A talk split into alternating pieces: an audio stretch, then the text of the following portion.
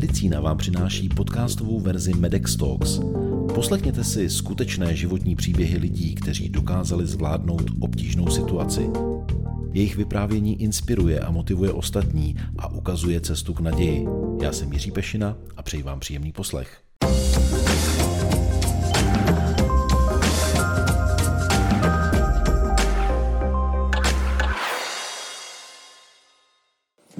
V 18 letech jí lékaři diagnostikovali kronovu chorobu. Pár let na to jí odebrali celé tlusté střevo a vyšili umělý vývod, neboli stomii. Postupně se naučila otevřeně mluvit o životě se stomií. Je autorkou blogu Nejsem tabu a návrhářkou speciálního prádla pro stomiky. Dnes bude hovořit především o naději. Vítám mezi námi Terezu Nagiovou.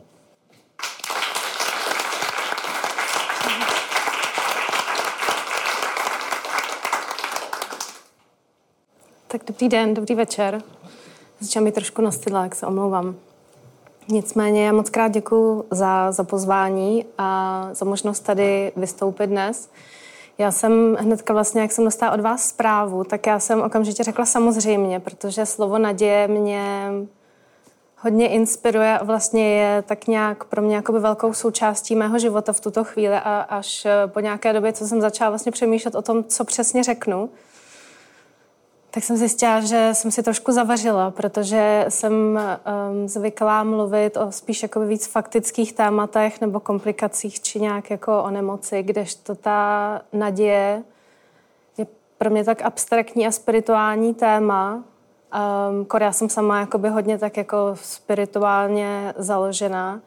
Ještě vlastně jakoby skrz můj příběh, tak já jsem si teda vlastně potom tady sepsala těch pár bodů, kde, když jsem si je procházela dneska ráno, protože jsem se probudila tabula ráza úplně, úplně prostě černo v hlavě, co jsem si všechno připravila, tak to samozřejmě bylo pryč. Tak jsem se vlastně koukala na ty body a říkala jsem si, pane bože, ty jsi tam jako napsala těch svých jakoby, pár posledních let života, tak to tady jakoby jenom přečtu třeba například, že mám, já jsem začínala jakoby tím, i celkově moje práce vlastně hodně o nemocech, tak uh, tak vlastně jakoby nemoc nebo naděje, naděje v nemoci, nebo kde ta naděje pro mě je hodně jakoby esenciální z mého pohledu, je prostě ta naděje v nemoci v tom přechodu z nemoci do zdraví.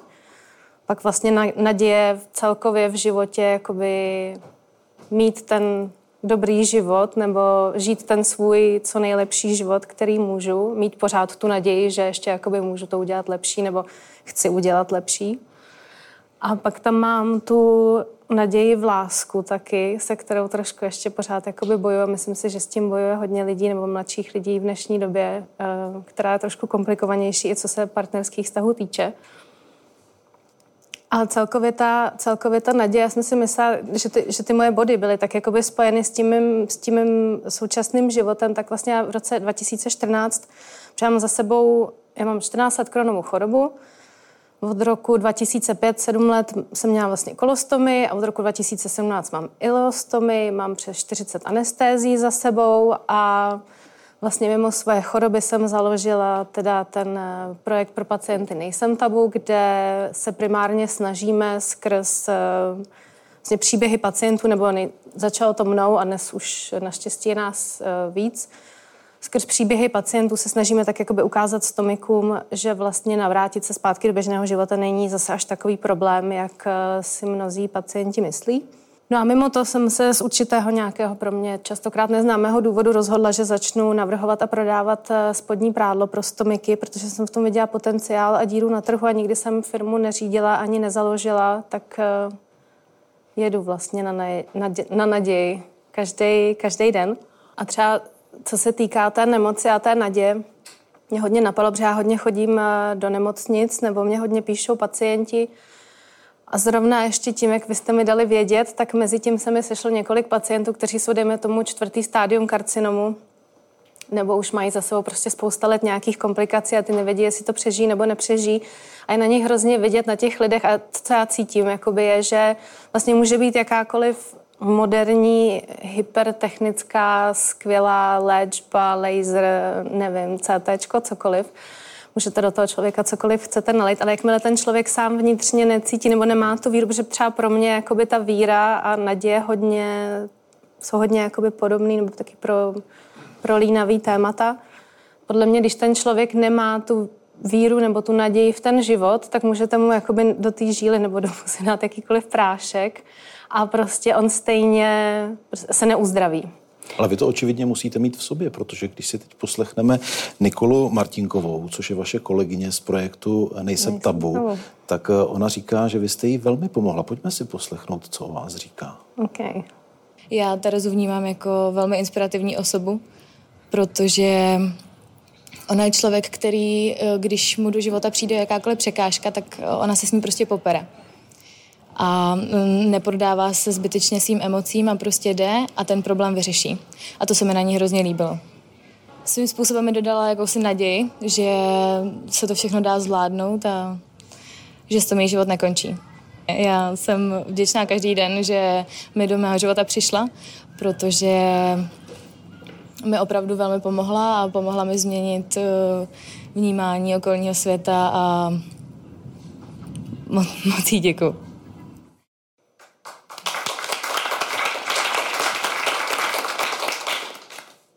Ano, poslouchá se to fajn, je to fajn. Já mám Niky hrozně ráda, tak Niky je vlastně shodou okolností jakoby můj eh, historicky první zaměstnanec. Děkuju, že už vlastně dneska můžu taky vlastně jakoby ten, ten projekt, že se může dál, dál, dál rozvíjet a Jakoby já můžu sice možná někomu dávat naději, nebo tak, ale já, já, já taky, že jo, protože já častokrát právě slyším od lidí, jak to vypadá, nebo nebo tak já se ale každý den budím jako se strachem, jo, nebo panikou, teď pane bože.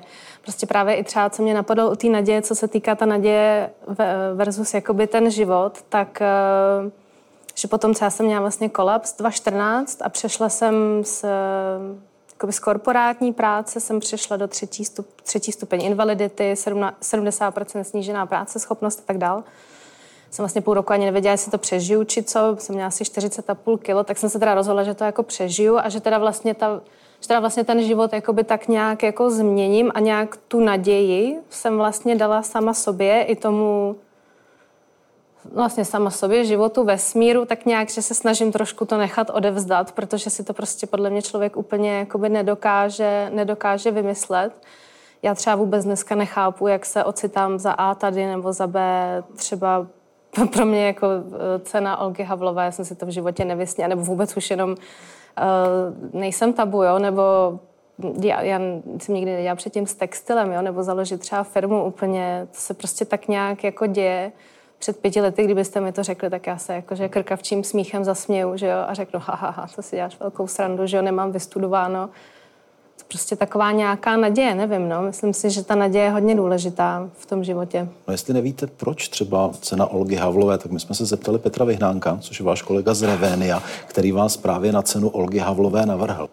Tak je tam velká aktivita a nejenom tomu svému postižení, ale obecně k lidem se zdravotním postižením a to si myslím, že pro mě bylo takový ten, ten iniciační moment, proč jsem ji navrhl na tuhle tu cenu a nakonec i v tom zdůvodnění eh, té, té komise nebo toho, toho panelu, který hodnotil a eh, tohle bylo bráno jako, jako velmi pozitivní, že ten člověk, který má nějaký zdravotní problém, tak nerezignuje na ten život a snaží se pomáhat lidem, protože se mu podařilo třeba ho nějakým způsobem zvládnout a, a překonat.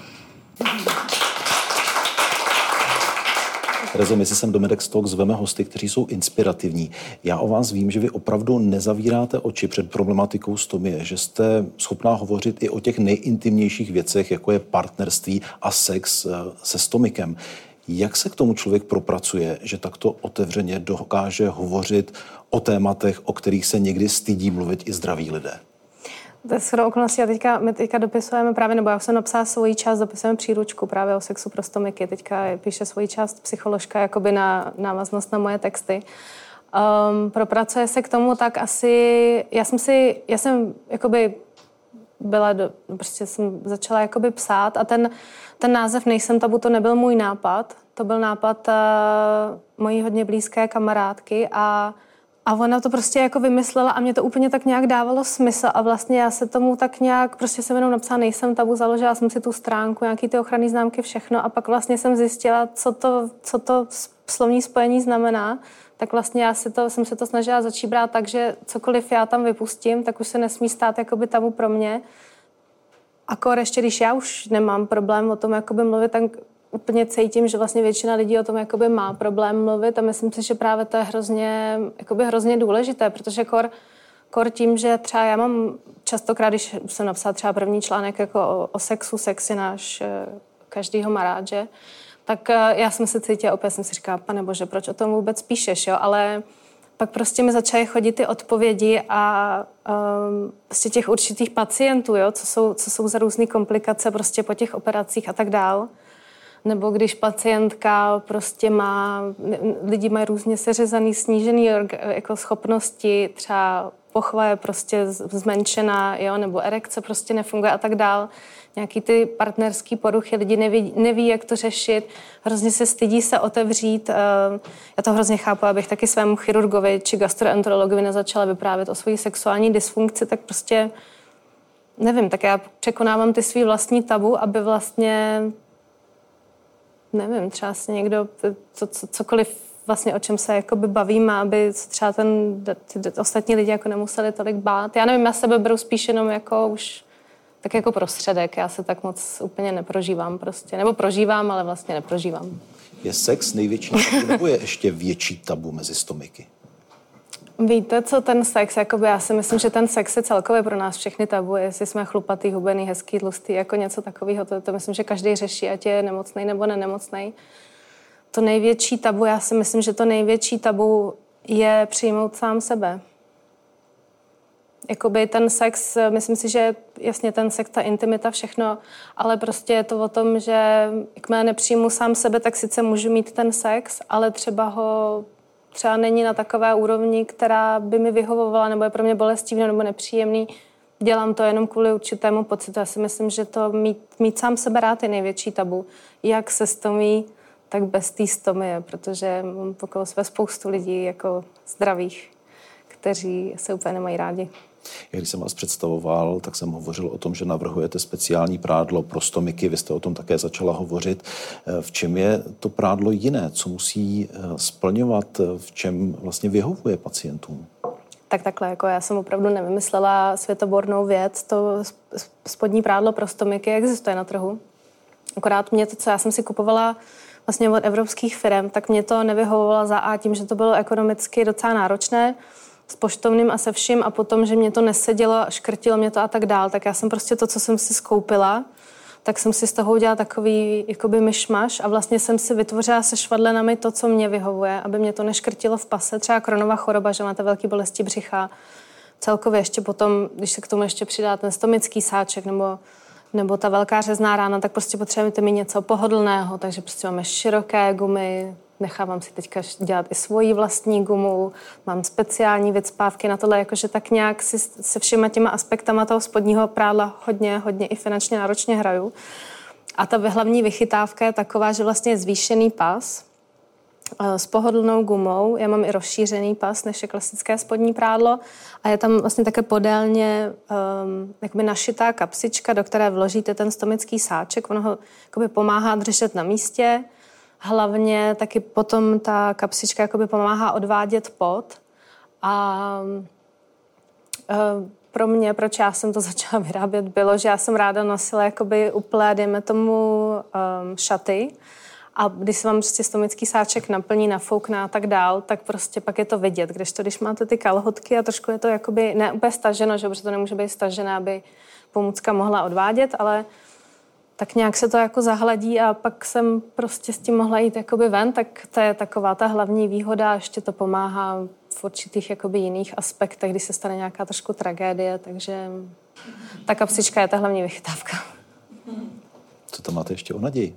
Je o naději. No naděje, no já jsem měla tady tu naděje v lásku, naděje v sám sebe, OK, tak možná jenom abych to teda ukončila, tak uh, mě tak hodně napadalo, že uh, já jsem, když jsem přemýšlela jakoby o té naději celkově zevrubně i pro mě, uh, pro nás, pro všechny nemocné, nenemocné, tak mě hodně napadlo, že si možná každý z nás nedává tolik naděje, kolik by měl v tom životě nebo kolik si zaslouží a že trošku, když se na sebe koukám jakoby zpětně teď na posledních těch pět let toho mého života, od toho kolapsu doteď, fakt jsem si z toho nic moc jako úplně vůbec nic nenaplánovala podle mě prostě ten život, nebo my každý máme ten potenciál, jako já, já neumím to přeložit, ale mě napadá sky is the limit, prostě, že když si dáme tu naději, tu víru sami v sebe, takže prostě dokážeme z hola nemožné, tak to mě tak napadlo.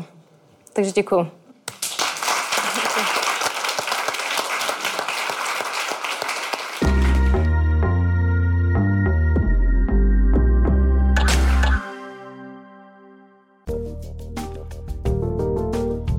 To je z dnešního podcastu všechno. Další díly najdete na portálu mojemedicina.cz a v podcastových aplikacích. Videoverzi Medex Talks sledujte na YouTube. Díky za to, že nás posloucháte nebo se na nás díváte. Naslyšenou příště se těší Jiří Pešina.